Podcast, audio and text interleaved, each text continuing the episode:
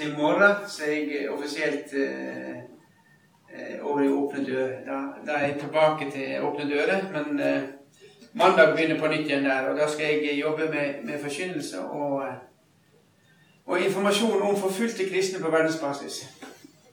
Det har jeg jobba med i 19 år før. Jeg er egentlig utdanna bilmekaniker, biltekniker. Så jeg er en sånn praktisk kar som har gått over fra det å jobbe med hendene til å nå er det regn på hendene. Mine, når jeg skulle på bilen nå, så sier ungene når jeg kommer inn å, nå lukter det pappa, for da lukter det olje og, og skitt. Alltid før jeg dusja, hver eneste dag, da var det dusjen var helt brun nede bunnen. Så da står du under bilen, og du, du så bare ikke ut. Men Gud, han er utrolig. Og av og til, når jeg begynte som bilmekaniker eh, i 1980, var jeg ferdig bilteknisk utdanna. Da hadde jeg allerede vært ute og smugla bibler fra 1978. Og i 1980 så gifta eh, Nei, 1979 så gifta oss, eh, og jeg meg. Oss.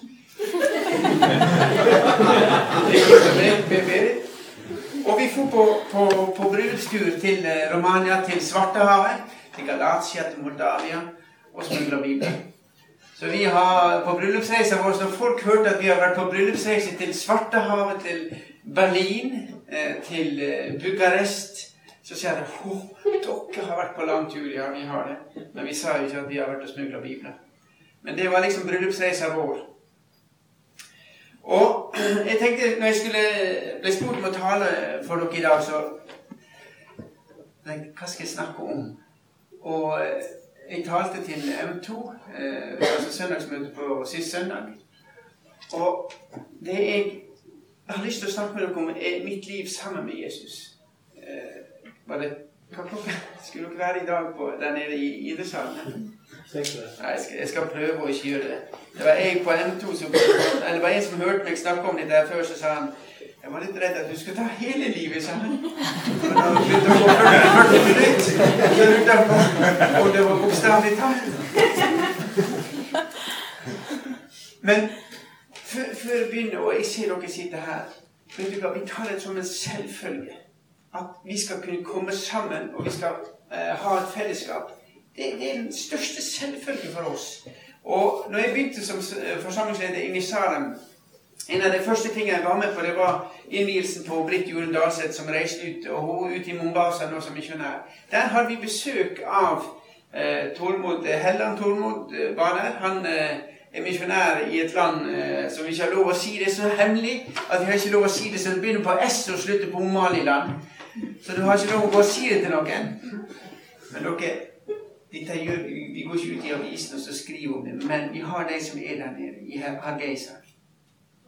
Og når han kom til Salem, så var det stappfullt. Og han kom ned i andre etasje, vi satt der og hadde kaffe. Og så ble jeg spurt om har dere noen, som har hilsen. Så kommer Tormod frem. Så stiller han seg opp. Og han Tormod han er vel Jeg vil tippe Tormod han er 28 år.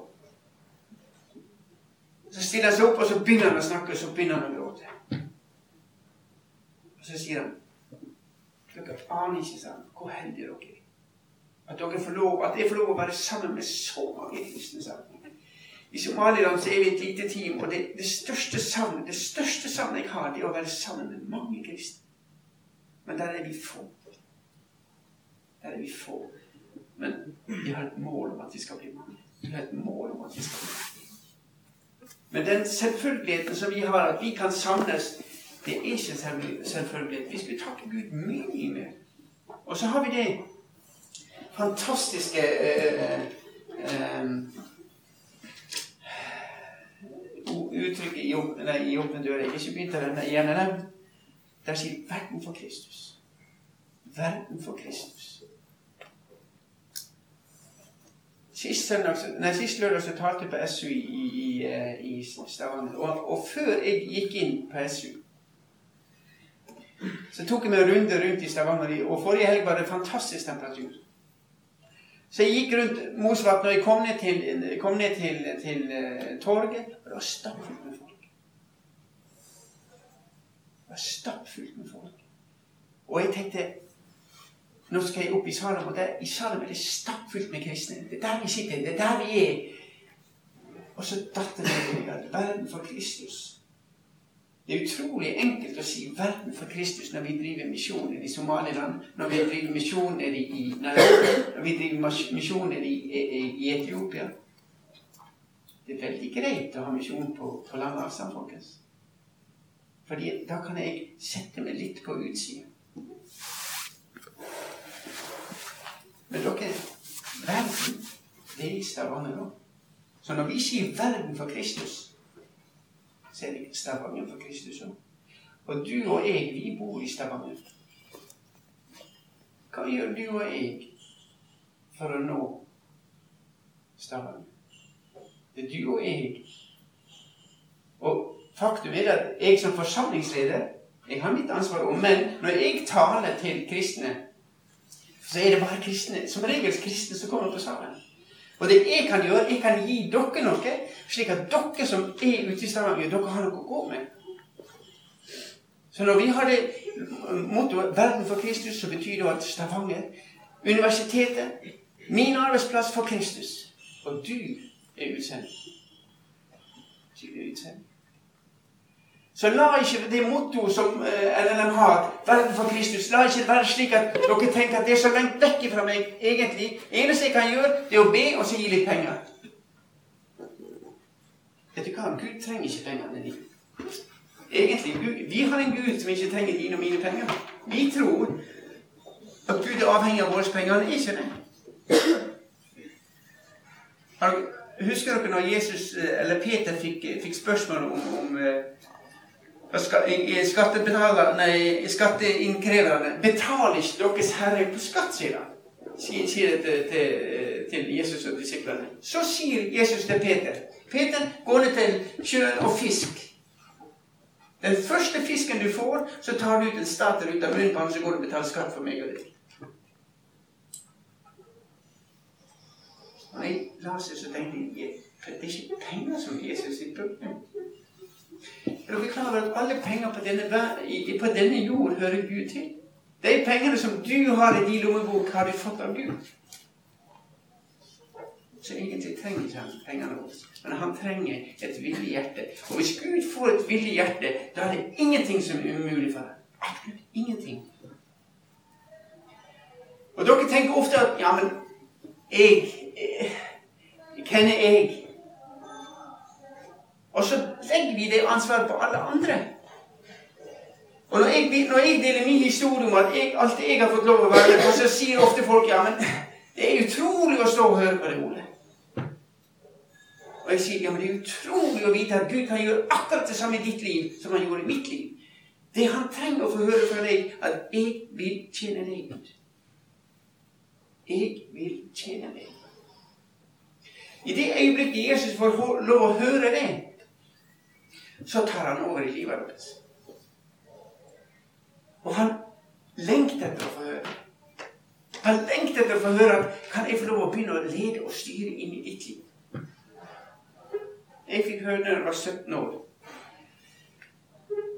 Da, da, jeg var 17 år, Det er noen av dere som har hørt den historien. På Drottningborg så var det samla tre misjonsledere. Øh, øh, en fra Open Doors, altså broder Andreas i 1974 var jeg 17 år. En fra Youth with a Mission, eller YWAM som vi kalte det. Det var Lorne Cunningham som hadde starta Ungdom i oppdrag. Og så en David Wang som leda Asian Outreach, som var en eh, misjonsorganisasjon som jobba inn mot Kina. De tre misjonslederne var kommet til Norge med én hensikt, og det var det å si at vi tror den kristne norske ungdommen skal bety en, en, en forskjell på verdens eh, evangelisering. Der satt jeg 17 år gammel. Og egentlig en eventyrer. Egentlig en sånn Folk kalte meg en fleip. Det var alltid det var noen som fortalte vitser, noen som tulla, så var det alltid noe. Det som var livet mitt, det var å spille volleyball. Jeg spilte volleyball fem dager i uka og trente, og, og det var det som var livet. Så fikk du høre en broder Andreas som delte fra sitt liv, hvordan Gud brukte ham. Og så klarte han å spille ned på det nivået, som sier har Gud brukt meg, så kan han bruke deg. Og så sier han de er dere som ønsker å gi livet deres i tjenesten for Gud. Og nå snakker ikke jeg sa om første gang å gi livet deres til Jesus, men det å tjene Gud. Dere skal reise dere, så skal jeg Men før dere gjør det, sa han, skal dere vite at Gud tar det på alvor. Gud kommer til å ta det på alvor. Han kommer til å ta over i livet ditt. Og han kommer til å lede deg. Og så reiser vi oss. Det var, det var nesten hele salen som reiste seg. Broder Andreas han stoppa opp og så sier han Han ble litt overraska, for det var så mange som reiste seg. Så sier han 'Jeg advarer dere', sa Hvis ikke dere mener det, så sett dere ned igjen, fordi Gud kommer til å ta over livet deres. Jeg så ingen som satte seg ned. Og så ba han for oss. Uh, jeg for min del, jeg, jeg, var 17 år og hadde veldig lyst til å bli bilmekaniker, for det var jo praktisk. ikke sant? Så du skal ha biler, og det er veldig billig når du kan skru på deg sjøl. Og jeg sa det til Gud Jeg hadde hørt en som talte en gang. Tom Skinner, den tidligere bandeleder borte i New York, som var blitt frelst. Og han ble frelst da han satt og planla en, en, en, en, gjengkrig, en krig med, med, mot en annen gjeng. Og han satt og hørte på et radioprogram av en som forkynte evangeliet, David Wilkerson. Og han var temmelig irritert på denne radioen som satt og plaga, men han klarte ikke å skru den av seg. Og det radioprogrammet som, som gir Tom Skinner livet sitt til Jesus.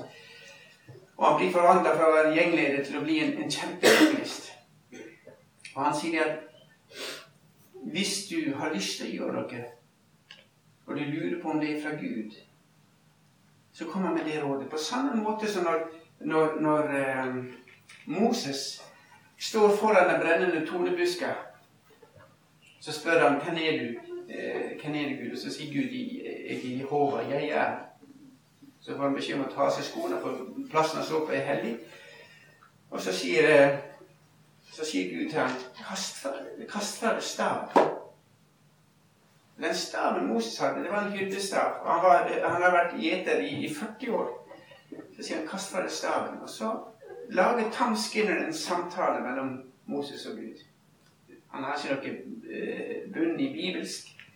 Men han forteller den liksom at hadde, jeg, hadde Moses vært meg, så hadde jeg sagt jeg hiver aldri fram den staven. Det er den beste redskapet jeg har. Det er den jeg har til å gjete sauene mine, og den, den er gull verdt for meg. Så en gjeter ga aldri fra seg staven. Jeg var nede i, i, i Tanzania sist påske og var sammen med noen uh, masaier.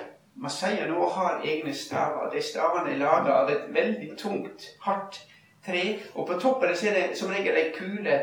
Eh, og den, den staven slår de i løve med. Altså Hvis det blir angrepet, så er den kula så, så det, det, det, det, er et våpen. Så gikk jeg bort til Masai så sier jeg Det er en flott stav. Ja, ja, den er fin. Kan jeg få lov å kjøpe den? Ja. Og jeg tenkte jeg skal prøve den. Så jeg ga Ja, vil du ha Og så ga han en dags, dag, eh, dagslønn. Kan ikke få lov å kjøpe den for dagslønn. Kan jeg få lov å kjøpe den for ei eh, todagslønn? Nei. Kan jeg få lov å kjøpe den for ei ukeslønn? Nei. Ja, men Kan jeg få lov å betale månedslønn? Nei, jeg selger ikke staven min. sa Sånn var det med Moses òg. Jeg selger ikke den fordi det er håndplukka. Jeg selger ikke den. Så sier Gud han kaster fra staven. Og så ender jo med det at Moses han kaster staven, og så, når han treffer bakken, så blir det en slange og Moses blir livredd, så sier Tom Skinner det er ting i livet vårt sammen som vi tror er viktige for oss. Og så utfordrer Gud oss gi det til meg. Nei, dette gir jeg ikke. Gud sier gi det til meg. Og han sa noen ganger når Gud utfordrer oss Vi ser ikke det, men det kan være en i livet vårt. Det kan være farlig for oss.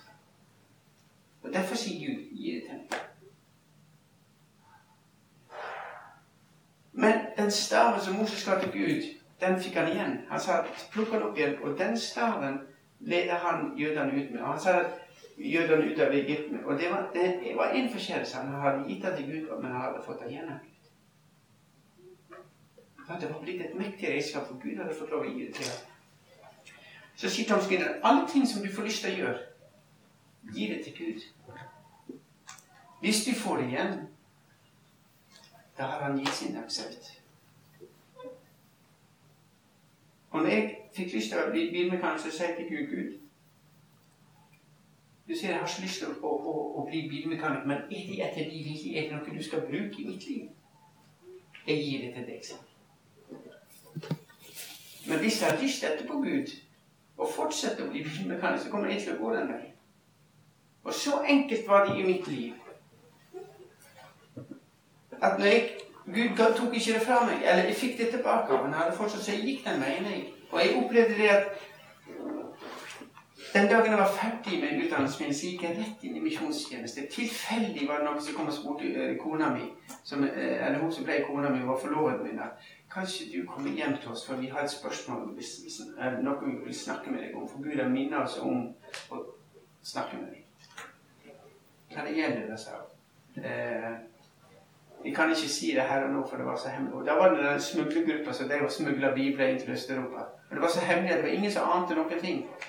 De sa vi kan ikke si det, si det, til deg her, men kom hjem til oss. Ja, men kan jeg få lov å ta med forloveden min, sa hun. Ja, ja, må bare ta med. Og så fikk de presentert et arbeid der de drev og sendte ut 60-70 team fra, Øst, fra Østerrike og inn til hele Øst-Europa. Og slik begynte det for oss. Og når vi når jeg kom ned dit første gangen i 78, så viste det at jeg hadde jo mange biler. Og var spesialbygd. Enten var det dob dobbelt gulv eller dobbelt tak eller en vanntank som tok 10 liter og så 100 biler. Det var system over alt disse bilene. De bilene kunne jeg ikke sende på bilverksted. Jeg trengte en bilmekaniker til å holde vedlikeholdet. Og i 1980, når vi var nygift, så gikk jeg rett inn i den tjenesten. Og Det var seks år etterpå at jeg hadde gitt livet til Gud og sagt jeg ønsker å bruke bli brukt av Gud. Og, i 1983 så gikk vi over til å jobbe for Open Doors i Nederland. Og så satt jeg på kontoret med broder Andreas og så sa jeg Husker du broder Eller han heter, han heter noe annet. I Nederland så kaller vi han på hans rette, rette navn, men han sier at han heter egentlig Arne van der Beil, han skriver navnet sitt en Anne. Altså, Jeg kan ikke reise til USA og si 'My name is Anson'. Men han brukte, han brukte navnet broder Andreas, alle kjenner han på det. Han sa, Anne, husker du i 74 da du var der og spurte oss om å reise opp? Jeg var en av dem, sa jeg. Jeg har aldri glemt det, sa Men så sier du hadde rett når Gud sa at jeg skal ta over når eh, Du sa Gud skal ta over i livet deres. Han kommer til å lede dere. Og du har helt rett. seg. Og I mitt, mitt tilfelle gikk det ti år, og så satte sammen med Og hvis du skal hvis du skal gå, gå til Guds ord, stemmer dette her med Guds ord? Og for jeg, jeg, tenker som så at hvis du får en tanke som må i hvert fall stemme mot Guds ord Hva er Guds ord snakk om dette her med ledelse? Og Guds ord er så praktisk, folkens. Vi, vi, vi, vi, mennesker vi er mye mer åndelige enn Gud. Ja, men det, det betyr det sånn det, Men Gud er rettferdig. Det som står, kan vi få lov til å tolke. I Salme 37,5 og Trond sa det nå på siste statsmøte ja, det er den kristne normaltemperaturen 37,5. Salme 37,5 er den kristne normaltemperatur. Sett din vei i Herrens hånd og stol på ham. Han skal gjøre det. Gud bare venter på at mennesker, ungdom, sånn som dere sier Gud, jeg vil sette livet i din. Vil, du lede meg, Gud? Sett din vei her sånn, og stol at han gjør det. Han tar over livet ditt. Og da snakker jeg om Ofte når folk snakker om misjon, så snakker vi om ja, men da, da må du bli misjonær. Da må du gå fire år på Fjellhaug, eller du må gå på misjonshøyskole, eller du må gå på, på DTS. eller det, er liksom det som er misjon. Det er ikke det. Hvis vi snakker om fremtidige misjonærer, så snakker vi om fagutdanna folk. I Åpne dører, det vi ser i hele Midtøsten når jeg reiser den, i den delen, når jeg reiser i Kina, hva treffer jeg? Jeg treffer ingen som kaller seg misjonærer. Da treffer jeg lærere, jeg treffer ingeniører, jeg treffer IT-folk. Og oljerelatert. Det er de jeg treffer. Det er de som er misjonærene. Men de sier vi er ikke misjonærer, vi er teltmakere. Vi er her som ingeniører, vi er her som lærere. Så det, det er den type i dag trenger. Og hvis dere lurer på hvorfor er jeg i den utdannelsen som jeg er jeg, tror, jeg tror ikke på tilfeldighet. Jeg tror på gudfeldighet. Jeg tror Gud leder dere. Og det gjelder absolutt alt. Det er ingenting som Gud ikke kan bruke. Gud har bruk for alle. Men hemmeligheten ligger i det Sett din vei i Hans hånd og stol på ham. Han skal gjøre det. Men du, da kommer vi også inn på Hvis dere liker meg, så har dere et problem med det der Når er jeg en rett kristen? Når er jeg en rett kristen? Jeg tror vi aldri kommer dit. Jeg. I hvert fall ikke så lenge vi er på denne jorda her. Vi har et kjempeproblem. Men det største problemet er jo meg sjøl. Det største problemet er det som er inni meg. Jeg har så lyst til å følge Gud, men jeg gjør det ikke. Og det, det vil, det gjør jeg ikke. Paulus sier akkurat det samme. Det jeg vil, det gjør jeg ikke. Og det jeg ikke vil, det gjør jeg. Den loven finner Paulus i sitt liv. Vi har et kjempeproblem fordi vi har noe i oss som gjør at vi vil gjøre vår egen vilje. Og så, og så fordømmer vi oss sjøl så sier vi, nei, men jeg kan ikke være eh, eh, jobbe for Gud fordi at jeg er slik og slik. Dere kjenner dere så godt sjøl at dere føler at dere kommer til kort. Og jeg hadde det problemet at jeg følte at Gud, jeg får ikke til å tro. Jeg får ikke til å tro å være en sånn kristen slik som, slik som du ønsker Gud. For vi har jo vår tanke om hvordan Gud eh, tenker om deg og meg. Jeg tenkte alltid at Gud var en som satt der oppe, og så holdt han pekefingeren og så sier han, Du, Ole, gjorde du det igjen? Han anklager meg fordi han har god grunn til å anklage meg. fordi jeg kommer alltid feil ut. Men Gud er ikke det. Gud gjør ikke det. Og jeg opplevde det at jeg klarte ikke å tro. Jeg, hadde, jeg, jeg, jeg klarte ikke å tro skikkelig.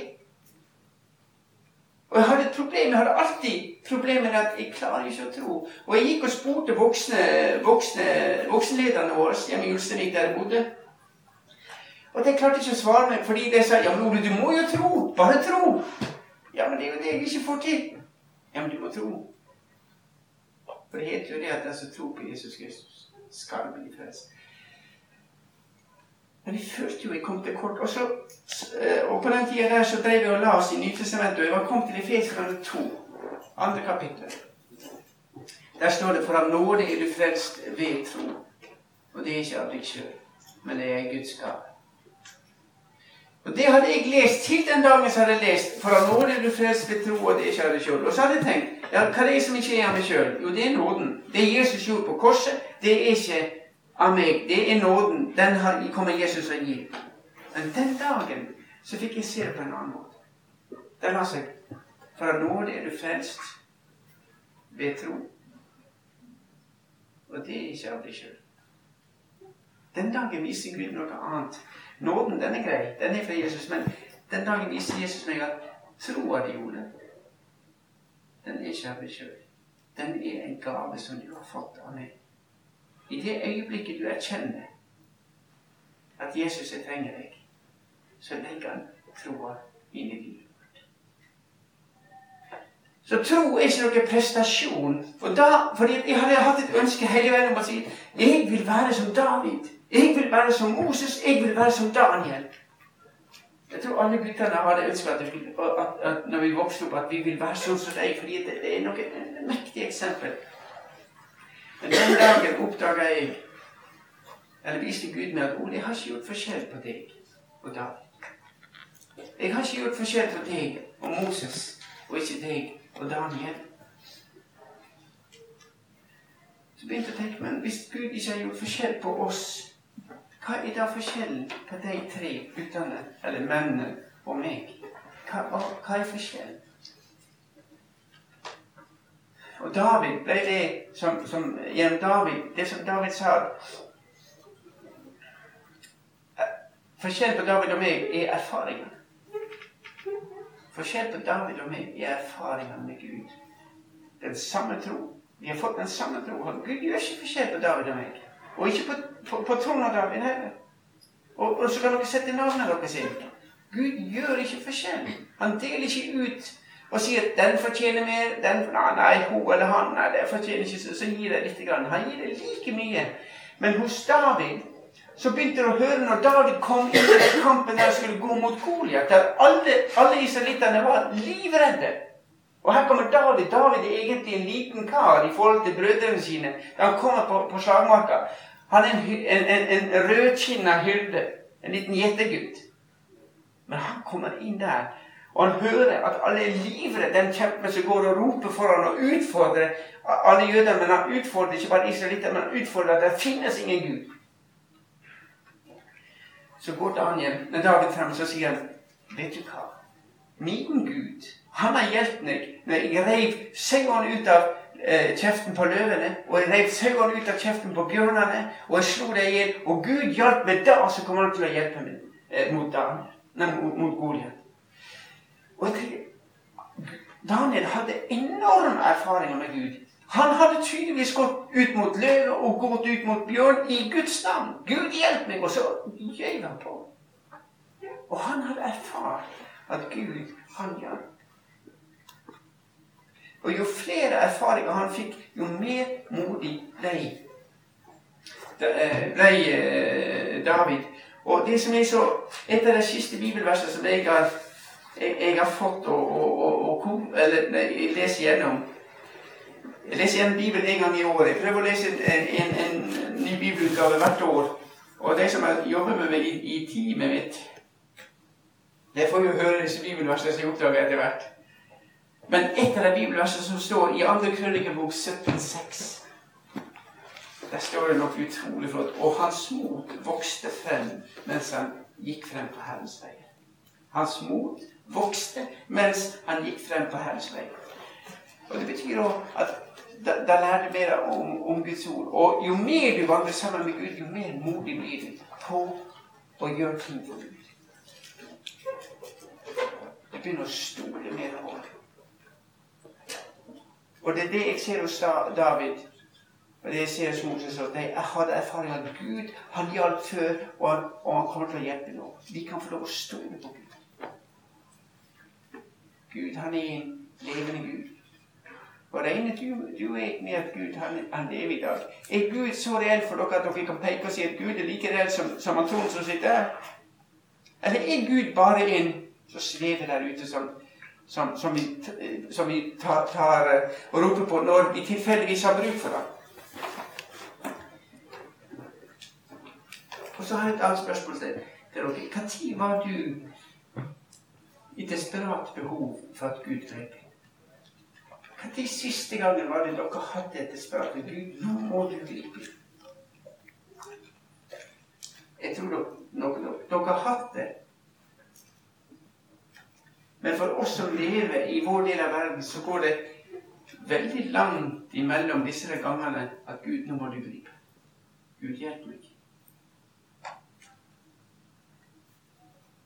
Jeg hadde et eksempel når jeg var kjørte for noen år siden. Jeg kjørte fra Tonsberg ned og skulle nedover til Feda. Jeg hadde lånt bil, jeg hadde aldri kjørt den veien før. og Det er en sving der det kommer en bakketopp, og over bakketoppen så får du en sving til høyre. Du ser ikke den svingen i det hele tatt. Så jeg kom i ja, Vi har lov å kjøre i 80 nå. Jeg kom i 80 over bakketoppen. Og det var en sånn ganske bra topp, som nesten hopper over bakken. Hopper over toppen. Og når du da bilen går ned, så ser du at veien går til høyre. Det var ingen som satt på meg, men, men jeg hadde ikke kommet til svingen før. Jeg, jeg bare ropte 'Jesus, hjelp meg'. For jeg hadde aldri gått gjennom den svingen uten.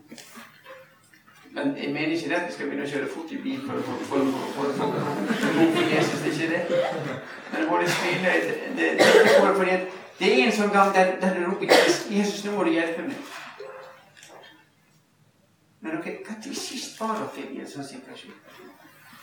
Jeg forfulgte kristne i sånne situasjoner hver dag. Hver dag.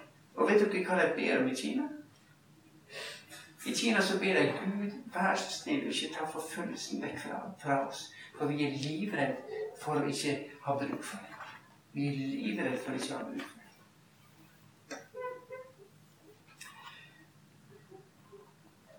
Dere, som jeg sa Har vi bruk for Jesus? Jeg, jeg vet vi har bruk for Jesus. Men er vi kommet dit hen at vi, vi bare sier surfer hen at vi har det så greit. Det, det fungerer. Og så er Gud en sånn nødventil. Hvis du plutselig kommer med et eller annet, så begynner du å rope på Gud.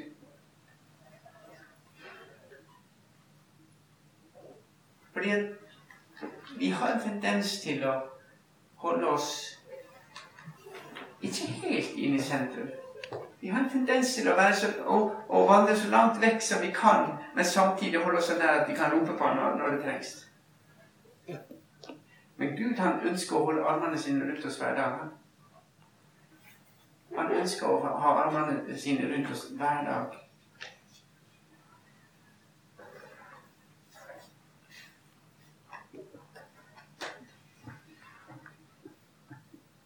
Men da må vi holde oss nær til ham. Johannes 15 så snakker Jesus om at 'jeg er vintreet, dere greinene'. Så sier Jesus hvis dere blir i meg, 15, Johannes 15, vers 7 Hvis dere blir i meg, og mine ord blir i dere, så be om hva dere vil, og dere skal få det. Jesus sier hvis dere blir i meg, og mine ord blir i dere, så be om hva dere vil, og dere skal få det. Det er et utrolig løfte av Jesus. Og Noen sier da ja, men hvis dere begynner å forkynne på det, hvordan vil ikke folk begynne å be da? Gud gi meg en BMW 530, eller en Volvo V70, eller et flott hus til fire millioner. Jeg tror ikke det. Jeg tror ikke vi vil begynne å be slik. Fordi Jesus sier hvis dere blir i meg, og i mitt ord så ber om hva dere vil. Og da vil vi, som jeg har sagt før, da vil vi begynne å be slik som Jesus ber. Da vil vi få en karakter inn i vårt liv. Vi vil begynne å se på andre mennesker sånn som Jesus sier. Vi vil begynne å høre slik som Jesus. Vi vil begynne å handle sånn som Jesus. Vi vil begynne å bli slik som han. Og Det er derfor det er viktig folkens, å holde seg nær til Jesus. Fordi at Hvis vi lever et kristenliv der vi er egentlig så langt vekk som det går an å komme, og samtidig kaller seg kristen, så har vi et kjempeproblem. For hvem er det vi ligner på da? Jo, vi ligner på de som vi holder oss med, istedenfor å ligne på den vi burde holde oss sammen med, og det er Jesus Kristus. Og vi vil bli prega av de vi er sammen med. Vi vil bli prega av den TV-en vi ser på. Vi vil bli prega av de bøkene vi leser, av de bladene vi leser, av eventuelt pornografi eller you name it. Hvordan kan vi forvente å leve som seilende kristne når mye av tida som vi fyller oss med, er filmer, bøker, blad? Og så sier jeg ikke så spennende å være kristen, for vi lever ikke noe seilende kristenliv. Nei, og grunnen er jo at vi lever på sparebluss. Vi lever på sparebluss. Og da blir det ikke så spennende å være kristen. Men Jesus han sier, 'Kom, Kom, kom nærmere meg. Bli meg. Bli mitt ord. Og be om hva dere vil. Dere skal få lov å oppleve et utrolig spennende kristne. Et utrolig spennende kristne. Og hvis Jesus begynner å får lov å ta over i livet vårt, da blir det et helt annet liv enn når vi vil bestemme sjøl. Når vi vil bestemme sjøl. For som jeg sa, vårt Mitt store problem som kristen er meg sjøl. For jeg vil ikke alltid følge Jeg har en natur som strider imot. Vi vil være fri. Jeg satt og snakka med noen av guttene, eller et par gutter nede. Vi satt og snakka om dette med ekteskap. Spesielt vi gutter. Vi har, eller vi menn, da. Jeg kan ikke si gutt. Jo, jeg er gutt. Det er et uttrykk som heter 'ta livet av gutten', og du tar livet av mannen. Det er ikke mye gutt i meg. Det kan jeg si de som jeg jobber sammen med på kontoret. Men dere, vi menn vi har en utrolig frykt for å miste frihet. Da jeg skulle forlove meg med Berit, så satt vi oppi et ned på, ned på Lindesnes, og vi hadde gått opp. Vi hadde kjøpt ringer og alt, og vi skulle liksom gjøre det den dagen. og vi ble sittende oppi et skogholt, og så sier jeg til Berit Vil du bli min? Så ser Berit på meg, og så smiler og så sier hun Ja, jeg vil bli din for alltid. Jeg ble iskald. det sa du ikke til Berit der og da. Det gikk mange år før jeg turte å si det, men jeg, jeg tenkte sånn på det etterpå. Jeg ble iskald. Du driver på med? For resten av livet. Men jeg tror Og dette sier jeg til dere menn som sitter her. Dere har noe i dere som gjør at dere tror dere mister friheten.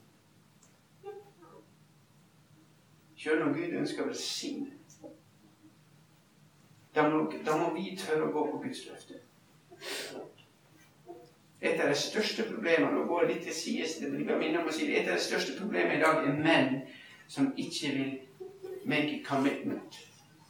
Jeg ser i Norge menn og gutter når det gjelder dette her med forhold. De går fra jenter til de vil ha et forhold, men de vil ikke ha noe commitment. Og jeg tror en av grunnene til at vi har det Vi har det i naturen, men en av grunnene er at vi ikke holder oss nært nok til Jesus.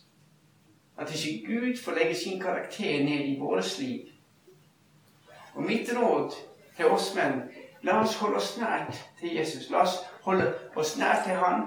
La oss holde oss nært inntil Hans ord, slik at vi begynner å handle slik som Jesus. Slik at vi tør å ta ansvar. Jeg skulle ønske at Den hellige ånd legger det veldig tungt på oss at han lengter spesielt etter menn til å holde seg nært til ham. Holde seg nært til hans ord. Slik at dere begynner å bli menn som handler slik som Jesus gjorde. Det betyr å ta ansvar. Gud har lagt et helt spesielt ansvar på oss menn. Og jeg ser at vi vil helst ikke ha det.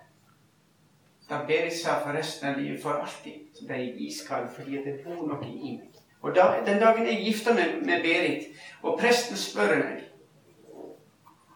Vil du ha den kvinna som hos deg står for, inntil døden skiller dere av? Det var ikke så vanskelig for meg å svare, men jeg, jeg svarte på den måten. Gud, men så svarte, Nå har presten spurt meg, så sier jeg ja ved Guds nåde. Og dere, det er der det ligger. Vi trenger Gud i alle ting. Vi trenger Gud i absolutt alt. Og det har ikke vi erkjent. Vi tror vi håndterer livet vårt, men vi gjør ikke det. Uten Jesus så klarer vi verken menn eller kvinner å håndtere det livet sitt her.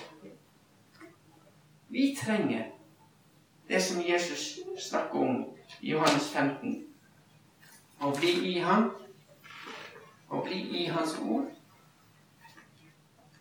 Og vi vil bli forvandla til hans bilde. For vi er skapt i hans bilde. Vi vi har noe i oss som gjør at vi, vi lengter etter det. Men så har vi den der friheten som vi tror vi mister. Og det er løgn. Satan lyver oss. Dere, mis, den, dere mister ikke noe frihet. Det dere får i bytte, er så mye, mye. For Jesus og Gud sier, 'Se deg ikke engstelig ut, for jeg vil være med'.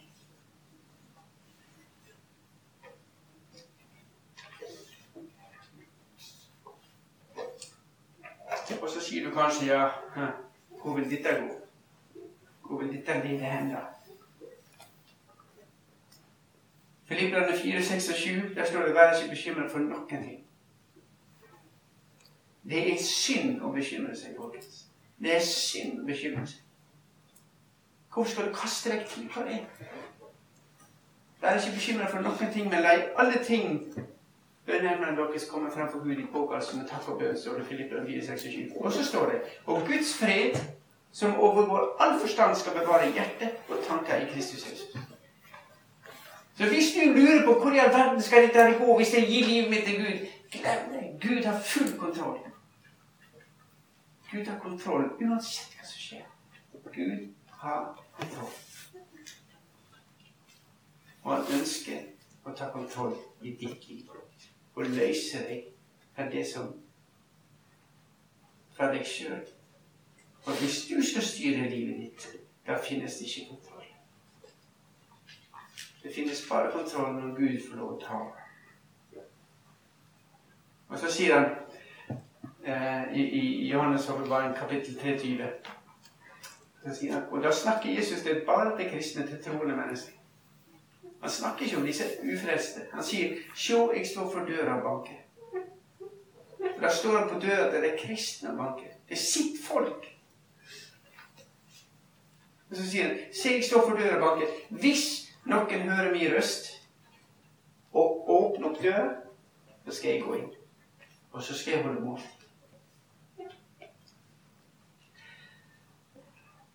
Jesus står her, han står og banker nå, her og nå.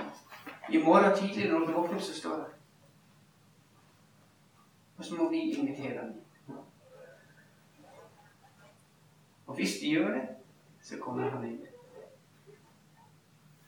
Så holder han måltid med oss. Det blir et sånt måltid at dere, dere må dele med, med de andre.